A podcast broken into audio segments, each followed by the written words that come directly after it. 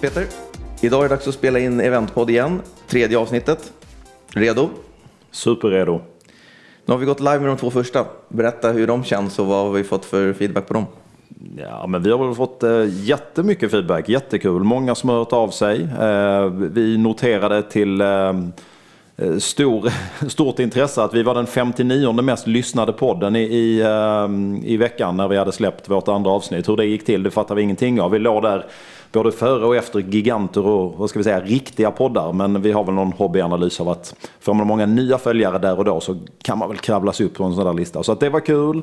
Vi har hört av massa människor från förr som inte har hört av länge. Vi har hört av företag som vill sponsra och massa människor som själva tycker att de ska vara gäster i podden. Och Nej, mycket bass. Roligt, kul. Bara roliga grejer alltså? Inget eh, knackigt? Nej, nej, nej. Ja, våra kollegor här har ju eh, då konstruktivt givit oss feedback att det är en massa saker som behöver förändras. Men det ligger i sakens natur. Man ska alltid sträva mot perfektion som det heter. Då skickar vi en passning till kollegorna. Lyssna efter förbättringen. Ja. Idag ska vi smyga bakom kulisserna på en av eh, landets största arenaplatser. Eh, så är du redo att sätta igång? Jag är så redo att sätta igång. Grymt. Storleken har betydelse heter veckans avsnitt eller dagens avsnitt. När man ber oss beskriva ett event så handlar det ofta om storleken, det vill säga antal deltagare, mängden teknik, stora kända artistnamn. Eh, jag personligen eh, gillar att prata om komplexiteten kanske mer, logistiken kontra budskapet kontra engagemanget hos deltagarna snarare än storleken. Men idag är det fokus på storlek och vi är glada att ha med oss kvinnan som har hand om de flesta största publika eventen i Stockholm och kanske i Sverige till och med. Får vi se om hon säger. Eh, hon har en känd namne som är hovdansare i ballett. Det vet jag inte om hon känner till, men när jag googlade så tyckte jag att det var en ganska rolig poäng. Så ser man några liknande talanger. Och vi har faktiskt jobbat ihop på fritidsresor för herrans massa år sedan. Första frågan. Peter, har storleken betydelse?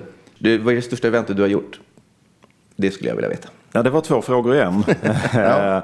men, men har storleken betydelse? Alltså man kan väl säga så här då ur ett eventperspektiv att det blir inte per automatik svårare för att det är stort, för att det är mycket människor. Utan eh, det kan krävas lika mycket jobb med en grupp som är 50 pers som en grupp som är 1000 pers.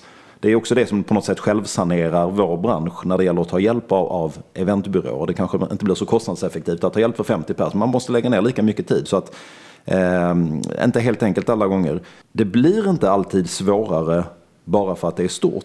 Det absolut mest komplexa och krävande eventet vi har gjort här hos oss, det var inom situationstecken bara, vad var de, 350 pers en gång i tiden. Men otrolig Eh, otroligt detaljfokus. Eh, fick lägga, jag tror att vi var ett gäng som höll på i princip i ett år och jobbade med bara det projektet.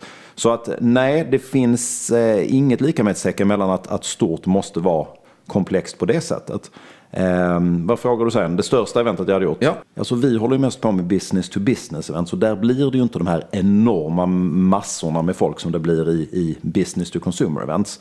Eh, vi gjorde någonting i Göteborg som hette Leve klotet för säkert tio år sedan när Al Gore var där och plockade, fick, fick ett fint pris av kronprinsessan för sitt miljöarbete. Och det var någon slags mittemellan B2C och B2B. Jag tror att det var en 7-8 tusen pers i Skandinavium där någonstans. Eh, annars är det väl, vi gjorde någonting för ett stort försäkringsbolag för, för ett gäng år sedan. De var väl en dryg 3000 per. Så att, mm. Ofta kommer man inte mycket längre än så. Det är inte många företagsevent som är större än så för det mesta. Kan man tänka att det ligger en viss spänning i fallhöjden? Ju mer folk man har där, ju läskigare är det om något går fel. Så det finns en liksom pirrgräns i det där. Nej, men alltså, volym bidrar ju alltid med olika perspektiv såklart. Och det är klart att det finns en, en en spänning i liksom när det vräker in tusentals människor. Jag står for, fortfarande ofta på ett event och så vet man att det ska komma 2000 man. Och man tänker att ja, men det är inte så mycket folk. Men man vet ju att det är det. Det är, ju, det är som ett hav. Man kan stå med sin uppdragsgivare och bara förklara att snart öppnar sig floden. Mm. Och, och, det tar liksom aldrig slut. Man förstår inte hur mycket människor det är förrän man står mitt i det. Eh, så att ja, det är klart som tusan att, att vissa saker får ju mer effekt när det är enorma, stora massor av människor. Mm. Mm. Eh, lite nitty gritty då. Hur tänker du när du ska välja lokal för, för eh, event? Nej, men det, alltså det, tråkigt vet jag inte, men alltså det rätta svaret är ju återigen utgå från kundens syfte och mål och vilka förutsättningar de har.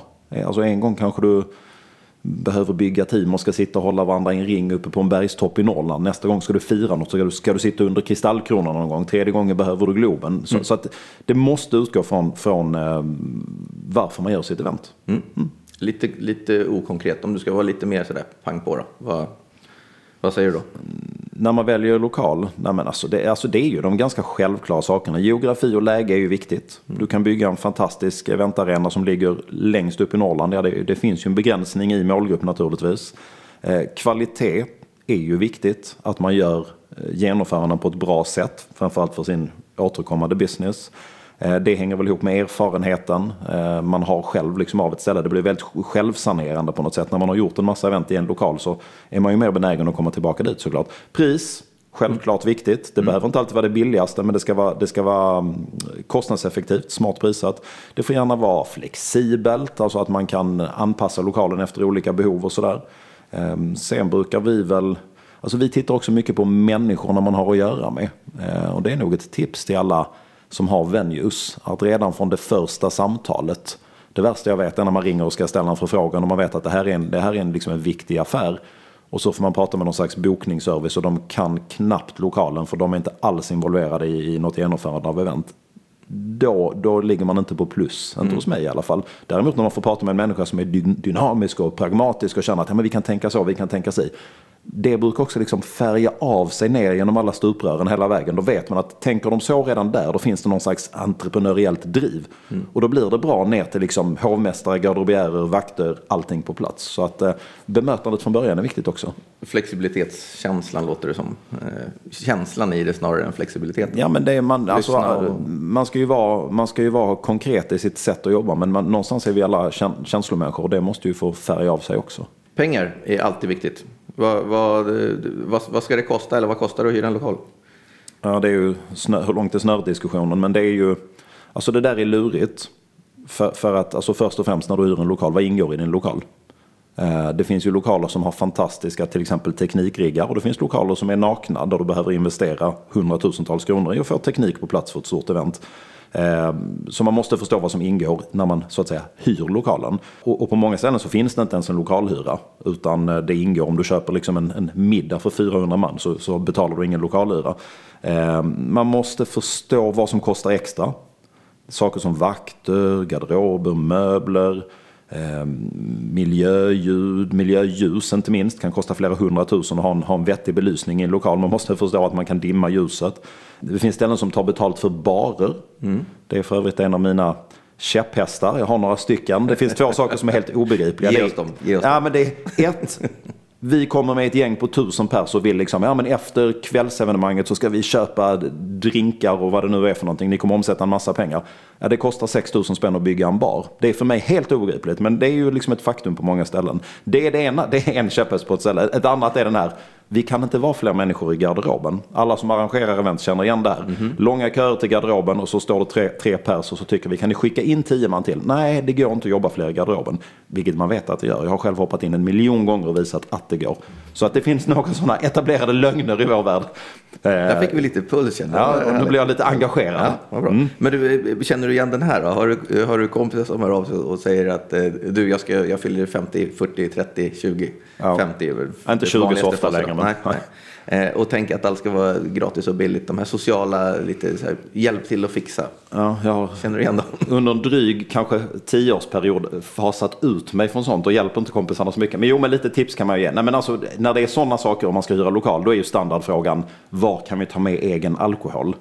Och det där är ju det, det, är en, det är en hel vetenskap i sig. Det finns ju även på olika företagseventsammanhang där man tänker att vi ska ta med egen alkohol. Men det man ska veta då det är att det är gungor och karuseller. För då betalar du mer i lokalhyra för att du ska få ta med egen alkohol. Och sen ska du eh, köpa in det och du ska lämna tillbaka det som är över. Och du ska kylhålla, du ska servera det och så vidare. Vi, vi gjorde en... Eh, vi har gjort en ekvation på det där en gång i tiden och kom fram till att jag tror det var 7,5 enheter alkohol. Om du bjuder på 7,5 enheter alkohol då blir det en break-even historia att välja ett ställe där du får ta med egen alkohol. Och, då, och hur, blir, hur blir tillställningen när man bjuder på 7,5 enheter alkohol? Nej, men du, du ska nog inte ha ditt, din fest då. Alltså det är inte skitbra. Det är säkert roligt för vissa, men, men då kanske du ska fundera på om du ska tänka annorledes. Mm. Strålande. Mm. Mm. Okej, nästa fråga. Eh, dina favoritlokaler i Sverige? Ge oss det bästa du har. Ja, men det, finns, det finns otroligt många bra lokaler runt om i landet. Eh, nu är vi ju liksom baserade i Stockholm så har väl mest utgångspunkt härifrån. Eh, mina gamla hemtrakter Malmö, där finns en arena som jag har sagt i alla år. Hade den här legat i Stockholm hade de haft fullt 365 dagar om året. Och det är Slakthuset. Mm. Som är en otroligt... Har du varit där? Absolut. Ja, du varit där. Mm. Otroligt flexibel. Det finns allt från liksom en stor teatersalong till jätteytor både för mässor och möten och fest och allting.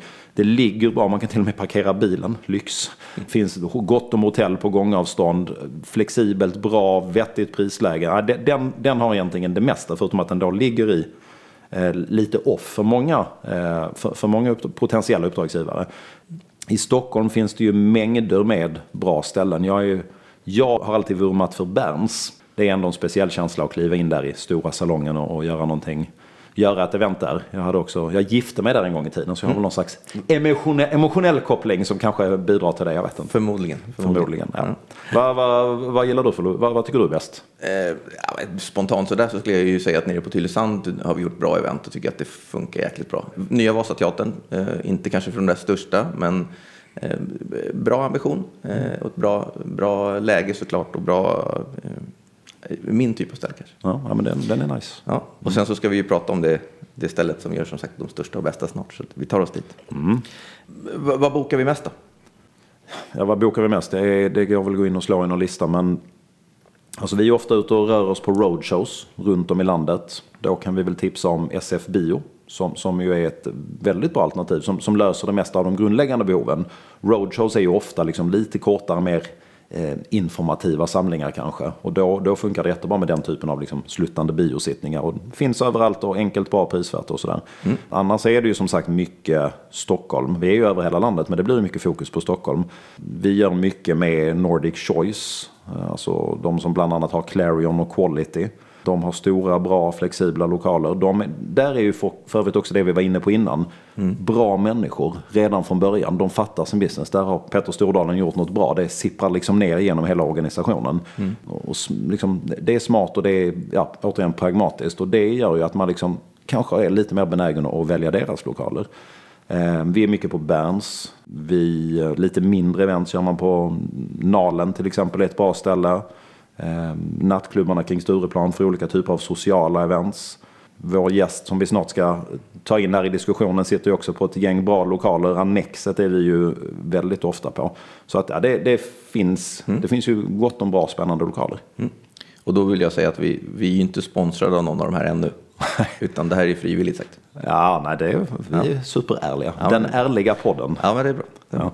Eh, storleken har betydelse är vi inne på. Eh, skillnaden på att boka stora och små lokaler? Du var lite inne på det förut. Ja, men alltså skillnaden på, det, det finns ju massa skillnader, men en är väl att man behöver nog vara strået vassare i och förstå hur det här funkar för att boka stora lokaler. I små lokaler så är det ofta att skulle det bli tokigt någonstans i någon budgetering så det, det, löser sig ofta längs vägen. Det är inte så stora ingrepp för att få saker och ting på plats. Så generellt sett så finns det mer den attityden hos de mindre lokalerna att vi ordnar det, det löser sig. Är du inne på en stor lokal, Mm, jag tror vi pratade kort om miljöljus innan. Nej, du vill inte gärna ha glömt det i din budgetering och så åker du på 200 000 för att få det att synas i lokalen. Man får också vara van vid att allting kostar extra på större lokaler. Så är det och det får man förlika sig med. Eh, men då behöver man också vara väldigt, väldigt mycket mer påläst hur det här går till. Och det där blir också lite självsanerande. Eh, för det är väldigt liksom få, ska vi säga, icke-professionella eh, köpare som, som, som väljer att göra ett jätteevent i ja, Globen till exempel utan att ta professionell hjälp. Men, men ja, man behöver lite mer på fötterna för att boka de stora lokalerna kan man säga. Peter, kan du bjuda oss på veckans blooper? Har du någonting mer idag? Är det så vi kallar det? Veckans blooper? Ja, ja men vi, det, har ju hänt så sjukt mycket konstiga grejer hos oss genom åren. Eh, och så satt vi och pratade om det här om dagen och då kom jag att tänka på en händelse för, jag tror att det är 15 år sedan, någonstans där. Henrik Schyffert var välbekant från tv. Han hade bestämt sig för att bli stand-up comedian. Eh, nu är han ju väldigt väletablerad, men han hade precis dragit igång där någonstans. Och eh, han behövde ut och testa sina vingar, så vi hade gjort en bra deal. Att den hösten och vintern så skulle vi ge honom en massa gig och så fick vi betala en, en eh, vettig peng. Eh, och jag tror att han gjorde 15-20 gig med oss där den, den hösten och vintern. Men när det är stand-up comedy så hamnar man i många olika sammanhang. Eh, och vintern, det medförde att det var en hel del julfester. Och den här kvällen så var det ett hissföretag som hade sin julfest ute på Tekniska museet här i Stockholm vi kan väl säga lite milt att det var en väldigt blöt julfest. De åt säkert men de drack framförallt väldigt, väldigt gott. Jag och Henrik står och pratar i köket och där inifrån så kan man se genom luckan ut på själva festen och man märker att det är stökigt och det är högljutt men det verkar ändå vara hygglig stämning. Tills en enorm kille reser sig upp. Han är så här tre meter lång, han tar aldrig slut. Han börjar tjafsa med en annan liten, liten mindre farbror. Det visar sig sen att det var då hans chef. Och det munhuggs och det skriks. Och den här enorma killen tycker att Nej, men jag drar en dansk skalle i huvudet på den här chefen. Ja, det är så här, jag är från landet, jag har inte sett folk slåss på det sättet. Men, men det, och det uppstår ju blodvit och det sprutar blod och det är kaos och vi tänder upp ljuset och stänger av musiken. Men, men eh, till, till slut lugnar det ner sig. Henrik bara står och garvar inne i köket och han tycker ungefär att ah, det känns inte skitbra att gå in och köra skämt nu. Förståeligt. Det, det är liksom inte riktigt läge så att eh, nej, det funkar inte. Jag försöker lite försiktigt och kanske övertala honom. Funkar inte alls, eh, såklart. Full respekt för det. Så till slut så får jag då liksom gå ut och, och prata med vår uppdragsgivare. Hon sitter med på middagen. Hon har också druckit gott och är glad. Väldigt snäll och trevlig. Men jag får förklara för henne att du, han kommer inte göra detta. Hon tycker inte alls att det här är ett problem. Hon bara, vadå? Det är, folk slåss alltid på julfesterna och de är kompisar imorgon. Och jag bara... Jul är jul, typ. Ja, men jul är jul. Ja, det, var, det, det var liksom julfesternas urmoder där på något sätt. Hon tycker, vet du vad? Jag hänger med in och snackar med Henrik. Jag ska förklara där för honom. Hon glider in, Henrik hälsar trevligt. Hon står och håller fast sig i diskbänken och tycker att oj vad just det var här inne och det snurrar lite. Hon förklarar där för Henrik, nej men det, det, det brukar slåss på julfesterna, det är ingen fara. Det är, folk kommer tycka det är jätteroligt om du kommer ut. Henrik, han bara skakar på huvudet och han säger liksom att det här går inte, du måste fatta det. Då tar hon lite attityd kunden och säger att du, jag tror inte det är så bra för ditt rykte om det kommer ut på stan att Mikael Schyffert ställer in gig för att publiken är lite högljudd. Henrik, han heter ju då inte Mikael, han heter ju Henrik. Han börjar asgarva, han tittar på mig och säger typ ja, Peter du ser, Mikael Schyffert liksom. Kunden tittar lite diffust på honom skakar på huvudet och inser att hon har sagt fel. Bröstar upp sig, spänner ögonen i honom och säger jaha, det ska vara på det sättet. Okej, Micke Schyffert om det är bättre. Någonstans där så sa Henrik, vet du vad, det var jättetrevligt, tack för idag. Hon gick hem. Eller hade gick hem och hon stod kvar på festen, fattade ingenting. Det var ett minnesvärt ögonblick och väldigt stolt ögonblick i min eventkarriär faktiskt. Micke Schyffert. Mm. Du får gärna höra av dig om du känner igen dig. Så får vi en annan version på det. Om det finns. Nej, jag tror inte hon kommer ihåg det. Eventpodden är ju tänkt att den ska vända sig till dig som håller på med event, eh, gillar event, jobbar med event. Eh, vi vill gärna ha tips på ämnen och vi vill ha tips på personer som är spännande att lyssna på. Eh, eventpodden.se, följ oss på Facebook, titta på LinkedIn-sidan. Nu är det dags för dagens gäst. Marie Lindqvist, välkommen till Eventpodden. Tack så mycket. Eh, vi är väldigt glada att ha dig med som gäst. Och man känner igen dig från marknadssidan Apollo, fritidsresor, Kolmården. Ja, det stämmer. Eh, Globe Arenas innan. Eh, och nu som vd ja. för Globe Arenas Stockholm Live håller vi fortfarande på och vänjer oss att säga. Ja, det, det har vi vant oss vid sedan länge nu. Okay. Nu är det Stockholm Live. Stockholm Live. 100 procent. Stockholm Live. Strålande. Ja. Berätta lite för oss om, om, om din resa. Varför är du där du är? Ja, vad? det kan man ju fråga sig. Nej, men jag började ju min ehm, eh, yrkesverksamma karriär i charterbranschen. Mm. Där du också var, på ja, fritidsresor. Och eh, var där ganska länge. Och sen så har jag traskat vidare på det spåret egentligen. Att eh, jobba med, med eh, upplevelser, besöksnäringen. Mm. Eh, och om man tänker efter finns det ganska mycket likheter mellan att jobba med en arena eller flera arenor som jag gör nu och eh, både djurparker och charterbolag. Berätta om liknelsen. ja, det, man kanske drar andra slutsatser på de liknelserna. Människor är också djur. Men eh, nej, men det handlar ju, i, det handlar om att, att eh, leverera en bra besökarupplevelse. Men det är också sådana mera torra saker som logistik. Det handlar om stora volymer. Det handlar om eh, distribution. Det handlar om paketering. Det handlar om att jobba med en mängd olika samarbetspartner som gemensamt ska leverera en, en, eh, en upplevelse till kunden och samordna det. Mm. Så att, eh, det finns faktiskt väldigt mycket likheter. Cool. Även om det är något ja, olika delar kan man väl säga av besöksnäringen. När, när eh, tillträdde du som vd på Global Arena? Det gjorde jag 2014. 2014. Ja, så det är snart tre år. Nu sa du Global Arena sen då alltså. Nej, äh, Stockholm Live. Vad är Stockholm Live? Ska, vi inte, ska du berätta det för, för de som inte är Absolut. insatta? Nej, men Stockholm Live, det är vi som driver alla arenorna i Globenområdet. Tele2 Arena, Ericsson Globe, Annexet och Hovet. Det är Stockholms stad som äger eh, själva fastigheterna. Men det är vi som är operatörer. Så vi ansvarar för att fylla arenorna med eh, innehåll och eh, genomföra evenemang helt enkelt. Och så hyr sådana som vi in oss för vissa typer och så är det konsertarrangörer som hyr in sig och så är det fotbollsklubbar som hyr in sig och allt möjligt. Ja, men precis. Vi har alltid en, eh, en arrangör som, som vi jobbar mot och det kan vara en fotbollsklubb eller det kan vara en eventbyrå eller det kan vara en eh, konsertpromotor. Eh, det kan vara direkt eh, till ett företag. Det är inte, det är inte så ofta, utan ofta så har vi en, en, en byrå emellan. Men eh, precis, mm. våra kunder är de som arrangör, arrangerar evenemangen. Just. Om vi får be dig titta lite på trender på, på eh, våran bransch, vad vi nu ska definiera den som, eventbranschen. Mm. Mm. Ja, men jag, jag funderar lite på vad vi kan se mer utav. Och en, en tydlig trend tycker jag, även om den har pågått under några år, det är ju att man jobbar mer och mer från, från arrangören eller från artisten eller eh, bandets sida eller vad det nu kan vara, att eh, involvera publiken. Eh, vi kan se mer exempel av att man använder digital teknik, eh, allt ifrån att publiken blir en del utav showen som vi kunde se i Kents avslutningskonsert, eller Coldplay har jobbat med det. Där vi liksom använder publiken genom appar eller mm. vad det nu kan vara för att, för att liksom förhöja hela upplevelsen.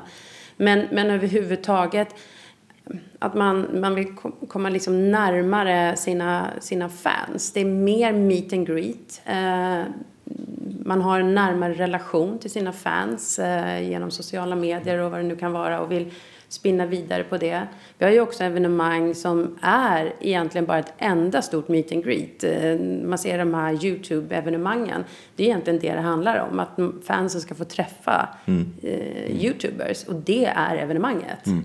Eh, så att om, om man är en normal konsert eh, så är det konserten som är evenemanget. Så är meet and greet det där lilla eh, extra. Så är på Youtube-evenemang det precis tvärtom. Det är ju meet and greet som är själva grejen och sen kan det vara några några uppträdanden vid sidan av. Men det är väl så att med, med alla liksom den digitala transformationen med allt som händer, att folk kommunicerar på ett helt annat sätt, mm. så, så byggs hela kartan om för det fysiska mötet. Det ser ja. vi ju också liksom på företagseventsidan. Precis mm. det du säger med appar och interaktivitet och så färgar av sig. Jag kan ju tänka mig på konsertfronten att det går inte att gå upp och ställa sig som, ja just Bob Dylan kan väl, men gå upp och bara dra sina låtar. Utan det måste vara en upplevelse, för annars kan, kan man liksom hänga med digitalt i någon form. Så att det mm. ena driver väl det andra förhoppningsvis. Ja. Vi säger Ed Sheeran för er som är lite yngre.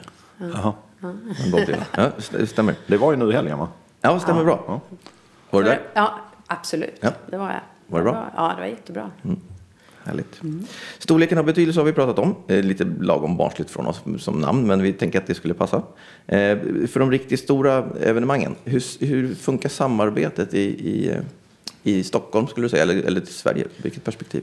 Um, för att uh, få evenemang för att till, till, dem till staden? Eller mm. Ja, jo men det funkar som så att vi jobbar väldigt nära med Stockholm då för vår, för vår del. Eh, och då är det mm, Visit Stockholm och sen så eh, är det oftast då ett förbund eller en arrangör eller vad det nu kan vara som är med. Eh, och så tillsammans så utformar vi ett bud för att eh, ro hem något av eh, de evenemangen som, som vi och staden tycker är intressanta. Eh, och här måste jag säga att det har verkligen hänt mycket positiv utveckling senaste mm, åren i, i Stockholm då, där, där vi verkar mest. Eh, Stockholms stad har antagit ett nytt program för evenemang som beslutades om i kommunfullmäktige eh, i november. Vilket är en jättetydlig mm, indikation och riktning på att staden tycker att evenemang är viktigt. Man ser värdet eh, för staden, både när det gäller de turismekonomiska effekterna men också att det är viktigt för, en, för att vara en attraktiv stad att leva och bo i. Och, stoltheten lokalt. Ja, men precis. Mm. Och, och, så man satsar på det. Man har faktiskt till och med anställt i Stadshuset nu en evenemangsstrateg. Mm. Det tycker vi också är en jättetydlig signal på att man tar eh, evenemangsbranschen på stort allvar.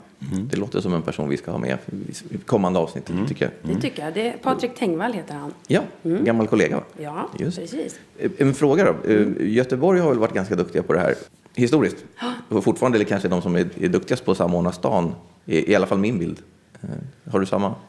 Ja, men eh, Göteborg har ju en lång historia av att eh, jobba väldigt nära mellan mm, olika aktörer i staden för att, eh, för att rekrytera evenemang och har varit en förebild eh, för många andra städer hur, hur man kan göra det.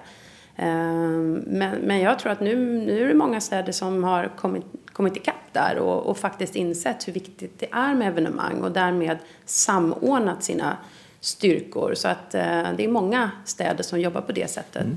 Med conventionbyråerna som grund där man försöker driva all form av besöksnäring till sina orter oavsett om det är Karlstad eller ja, Luleå. Ja, men precis. B mm. Både kongresser och ja, stora möten och kongresser men också stor, större publika evenemang. Mm.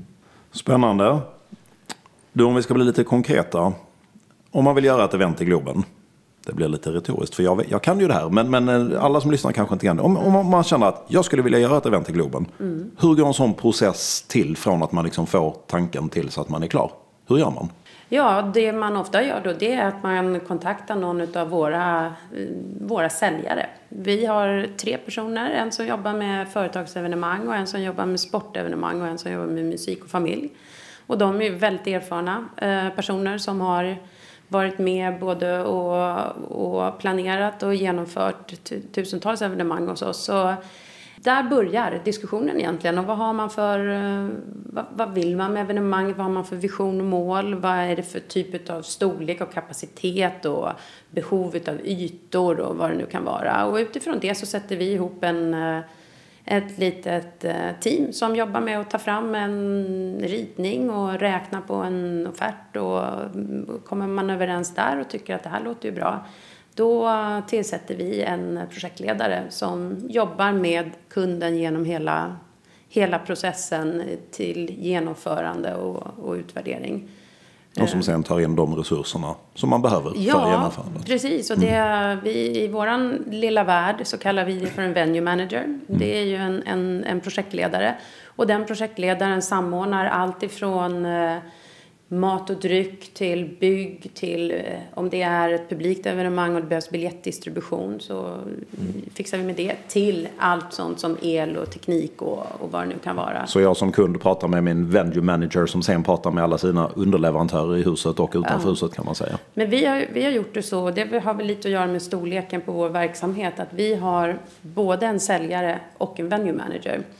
Uh, i, en del andra har det i samma roll, att det är säljaren som också blir venue manager och mm. med.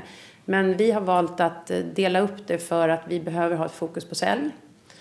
Uh, och det blir ju lätt så om man jobbar i en operativ verksamhet att allt fokus blir på det som ska levereras och, och det som är operativt och så får säljet känner vi till. Det tar vi sen när vi, mm.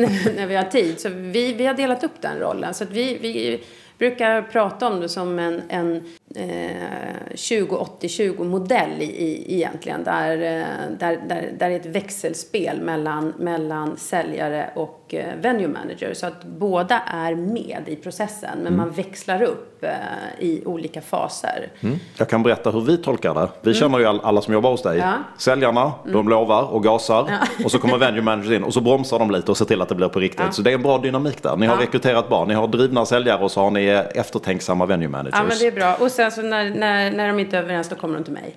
Jag fattar det. Nej men det brukar vara 20, 20 Nej men det brukar lösa sig. Men det är precis så. Det, och det är så det ska vara. Ja, det ska det. vara den dynamiken. Men, men också viktigt har vi kommit fram till att man har fokus på rätt saker. Och säljarna ska ha fokus på att vara ute och skanna av marknaden och se till att vi är med i dem budprocesser eller att vi fångar upp de intressanta evenemang som vi kan se i andra delar av världen och se om vi kan få dem till Stockholm. Mm. Och venue managers ska ha fokus på kundens planeringsprocess och genomförande. Helt riktigt, ni gör det jättebra. Får jag fråga en annan sak? Av alla event som ni har gjort hos er, vilket är du mest stolt över? Vilket är det som bara, mm, det här kan du inte sluta tänka på? det där är så himla svårt. Men, men det finns ett evenemang som, som, just när du säger ordet stolt, då man kan känna så här, ah, men det här gjorde vi faktiskt jäkligt bra. Då, då, då måste jag ändå, det som poppar upp är Hela Sverige skramlar, som vi gjorde förra året. Ehm, eller vad blir det nu? Det blir 2015. 2015. Oh, det går så snabbt. Ja. Ehm, men då, det var ju en insamlingsskala till förmån för UNHCR och människor på flykt. Och det, som, alltså det i sig gör ju att man blir stolt för att vi samlade in 42 miljoner uh, under den här tiden. Fantastiskt. Mm. Ja, det var helt fantastiskt. Men, men det som var så speciellt det var att vi gjorde det här, vi hade en ledtid på en månad. Och under den månaden så lyckades eh, initiativtagarna eh, till det här som, som är eh, framförallt eh, arrangörer inom musikbranschen samla hela branschen. Så att alla som jobbade den kvällen jobbade gratis. Alltså vi skänkte allt som vi kunde. Och, och det är liksom hela den styrkan när man, när man, när man märker hur, när alla går ihop och bara säger nu kör vi. Mm. Och vi hade bara en månad på oss. Vilken sprängkraft det blev då. Det, det var som för branschens skull också en, en väldigt eh, stolt stund. Mm. Ja, men det förstår absolut. Ja, mäktigt. Men det där fattar man att det är stolthet. Mm. Men då ska jag ta ett annat exempel. Ja. För du nämnde tidigare Choice Hotels, mm. eh, som ju själva är de är ju konkurrenter på ett sätt till oss, fast ändå inte. För att vi, vi, vi är ju mest i de riktigt stora företagsevenemangen. Det är där vi är starka, att vi mm. har den stora kapaciteten. Men de arrangerar ju sin egen kick-off hos oss. Mm. Och det är klart att då är det ju lite extra skarpt läge när man har eh, någon i branschen eh, som kund. Eh, och det har de gjort hos oss eh, flera år. Eh, också valt att komma tillbaka därför att de tycker att det funkar så bra hos oss. Mm. Och det är ett evenemang som vi är väldigt stolta över. Speciellt då inom det segmentet för företagsevenemang. Därför då använder vi i stort sett alla ytor som vi har alla, Tele2 Arena, Hovet, Annexet, eh, Men det är väl dessutom så att de, alltså de samlar väl all sin norska personal också. Mm. Och de kommer ju till Stockholm år efter år. För att ja. ert lilla nav av lokaler är ju rätt unikt där. Ni har ju så mm. otroligt mycket kapacitet. Ja. Så att det är väl ett, det är ja. ju verkligen det är ett bra exempel på något man är stolt över. Ja, och sen så pågår det ju flera dagar också. Så att det, det är ju också viktigt att, liksom, att de kan flytta runt och byta miljöer. Och, mm. och, och både med utställning och konferens. och bankett och, och, och, hela den mm. delen. Så att, ja, men det är vi stolta mm. över. Ja, och att de också valt att komma tillbaka mm. flera gånger för de tycker att vi har gjort ett bra jobb. Så. Men du, om vi, nu, om vi nu har pratat om grejer som gör dig stolt och som är fantastiska och så, kan du berätta om något event, vi sa innan att det här är den ärliga podden, som har gått alldeles galet. Vi har alla gjort misstag, annars hade vi inte varit där vi är. Ja. Har, har du någon sån tokig historia? Det, det, finns, det finns många historier då saker och ting inte går som planerat. Det, det är ju därför vi är där, för vi ska försöka minska eh, skadorna när, när, när, när, saker och ting inte går som det ska. Men jag kan väl säga att vi hade ett evenemang, eh, ett... Eh, det är några år sedan så att eh, får väl vara... Det är preskriberat. Ja, mm. Nej, men vi hade ett fitnessevenemang där golvet mitt under den här träningen mm, började spricka upp. Mm. Eh, alltså det var ju golvplattor och det, det var ju inte kul, mm. inte bra.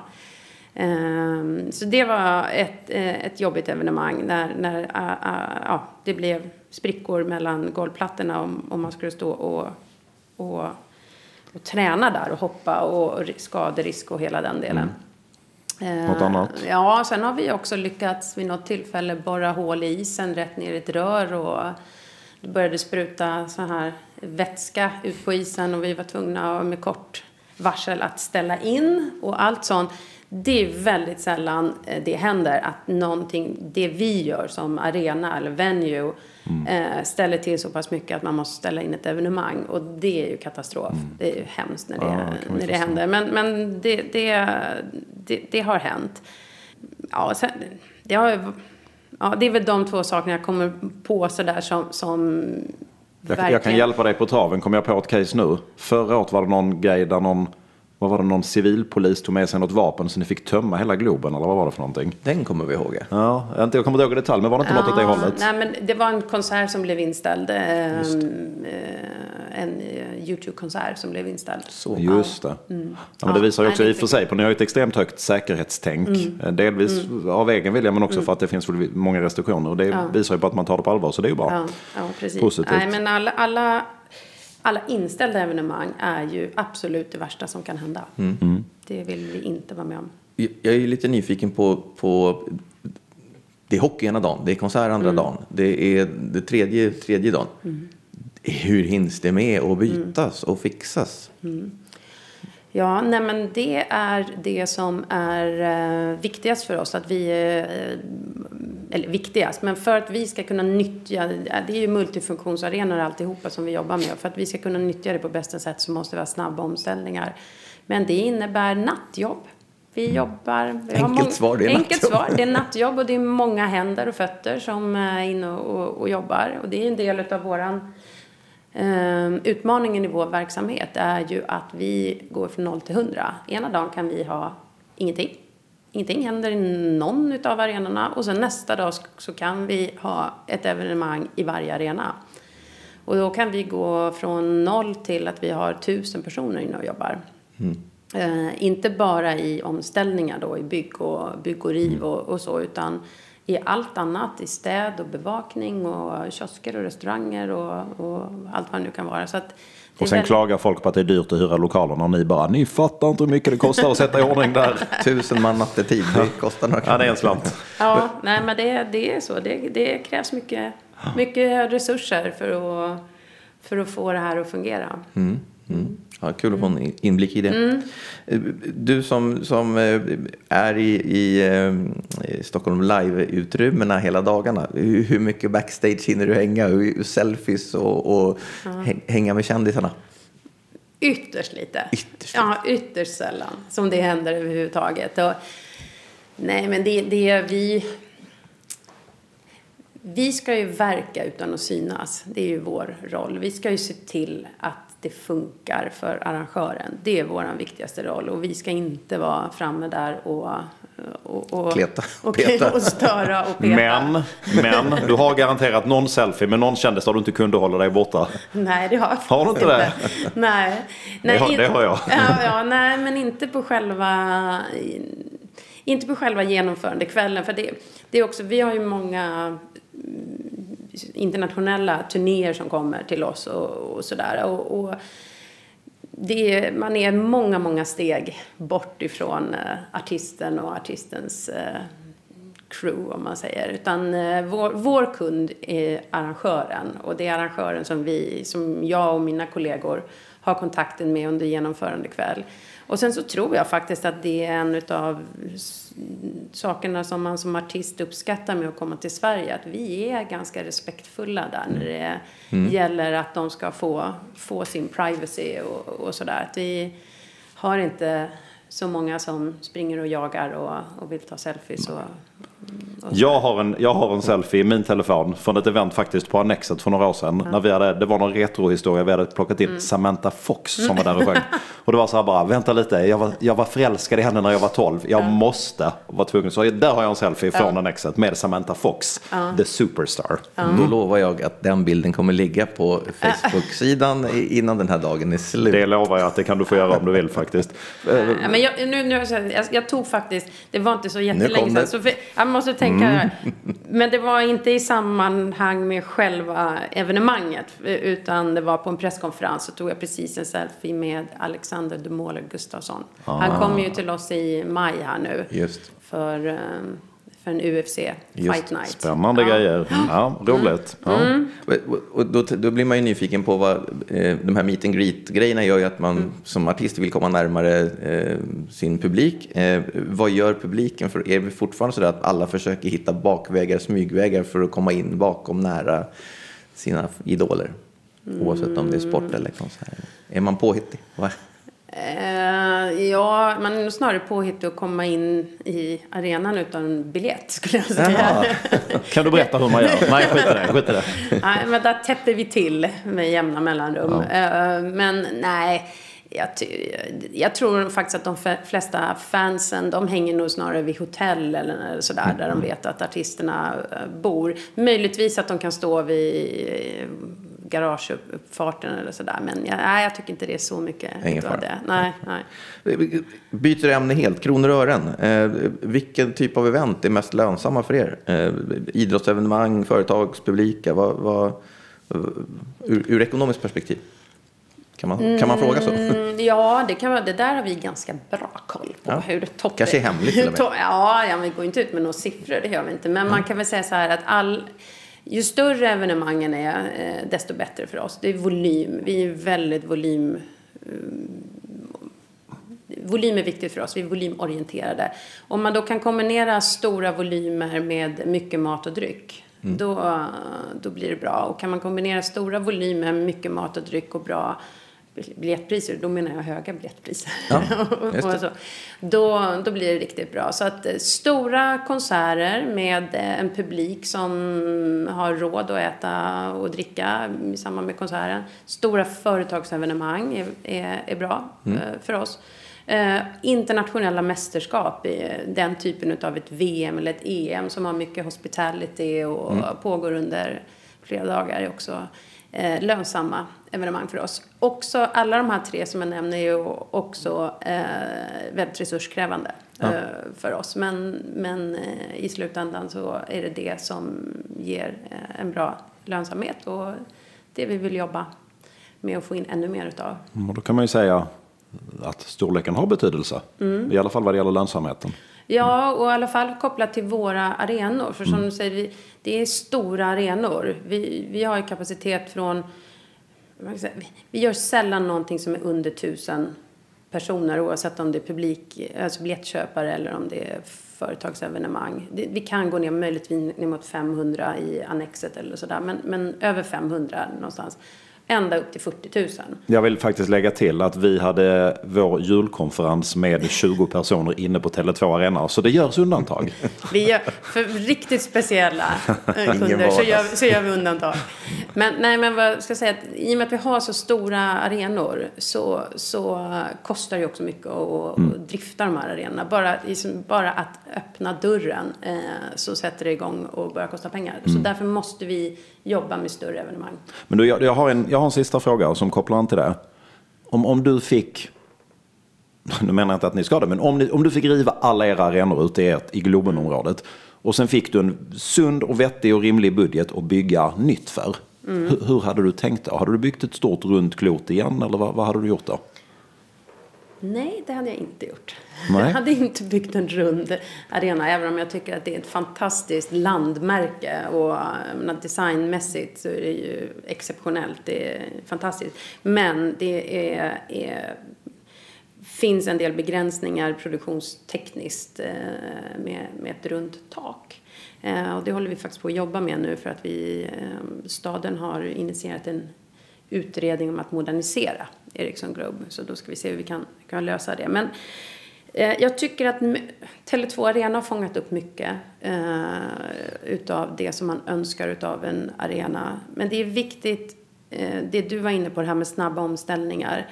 Det är det vi jobbar med. Och då är det att det produktionstekniskt fungerar. Att det eh, är lätt att arbeta med. Eh, att det är en hög grad utav digitalisering som man kan snabbt jobba med och ändra både färgsättning och budskap och dela av arenorna. Skalbarheten är jätteviktig. Så det skulle jag säkerställa att, det, den, att arenan skulle vara lätt att Um, man pratar ju om multifunktionsarenor och flexibilitet men skalbarheten ligger mycket i det. Och med hjälp av då smarta digitala lösningar och eh, den typen av eh, idéer tycker jag är viktigt. Sen så, så tycker jag att eh, man ska inte tänka att en arena behöver se ut som en arena. Utan man kan också ta mycket inspiration ifrån hotellbranschen, flygplatser som också är ställen med stora volymer, mycket logistik, mat och dryck, service, säkerhet och hela den delen. Så jag tycker det finns mycket att lära utav andra närliggande branscher. Då- Jag tänker på operahusen när du säger sådär. Mm. De är ju inte kanske logistiskt super, men de är ju konstverk. Mm. Liksom. Eh, Norges, i Oslos och Sydney så var det för någonting. Många arenor är ju också, byggs ju utifrån att det ska bli ett landmärke i staden. Eh, och det tycker jag det har man lyckats väldigt bra med både med Tele2 Arena och med Ericsson Globe. Det är ju fantastiskt vackra, arkitektoniskt snygga arenor som tillför någonting till, till stadens och, och vi får nämna Friends där också i samma Ja, andetag. absolut. Det får vi göra. Som landmärksvarianten. Ja, landmärke i Solna. Ja, precis. Ja, Solna. Fick vi in den också. ja. Peter, dags för veckans event. Berätta. Ja, vi brukar ju plocka ut ett event vi har gjort här i närtid. Vi eh, plockade denna veckan ut ett event som vi gjorde i en av dina lokaler Marie, Annexet för, tror det är förra eller förra, förra veckan som heter Guldnyckeln. Mm. Och det är ju ett event för eh, ja, kommunikationsbranschen. De, de, som håller på med direktmarknadsföring kan vi säga för att förenkla det lite. Eh, stort kunskapsforum och en stor mässa dagtid och sen var det stor gala på kvällen där man tävlade om diverse åtråvärda priser. Vad plockade vi upp här? Några trender man kan notera. Talarna, för det här var liksom ett inspirationsforum på dagen. Så det var inte så dialogbaserat utan mest inspirationstalare kortare talarslottar. Även om man investerar stora pengar i att ta dit bra namn så ger man dem lite mindre utrymme och det tycker jag att vi ser ganska tydligt. Eh, vi pratar om det här med dig Marie med digitalisering. Den här dagen var det ju draget till sin spets. Eh, det var en av talarna, Edward Snowden, den här kända whistleblowern från, USA som är i exil i Ryssland. Han var med och pratade om sina erfarenheter på länk. Nu finns det ju vissa eh, förklarliga skäl då. Han har inte möjlighet att lämna landet, eller det har han väl, men det skulle inte vara så bra för honom. Eh, men det är också något man ser ganska ofta att, att eh, vissa talare är med digitalt. Och det ska ju inte ersätta det fysiska mötet, men det kan komplettera det fysiska mötet. En annan detalj som, som jag snappade upp där var att i mässan så fanns det en speciell scen som var byggd för olika startups inom, inom ja, säg kommunikationsbranschen. Där de fick live-pitcha sina idéer och de som hade det bästa caset eller den bästa idén vann olika bra saker som mentorskap och sådär. Eh, också ett bra sätt att, att eh, liksom få lite stuns och lite kraft i mässan eh, som ju generellt sett är fortfarande en ganska konservativ del av det vi håller på med. Så det var några iakttagelser från ett spännande event i en fin lokal. Ja, mm. Bra. bra summerat.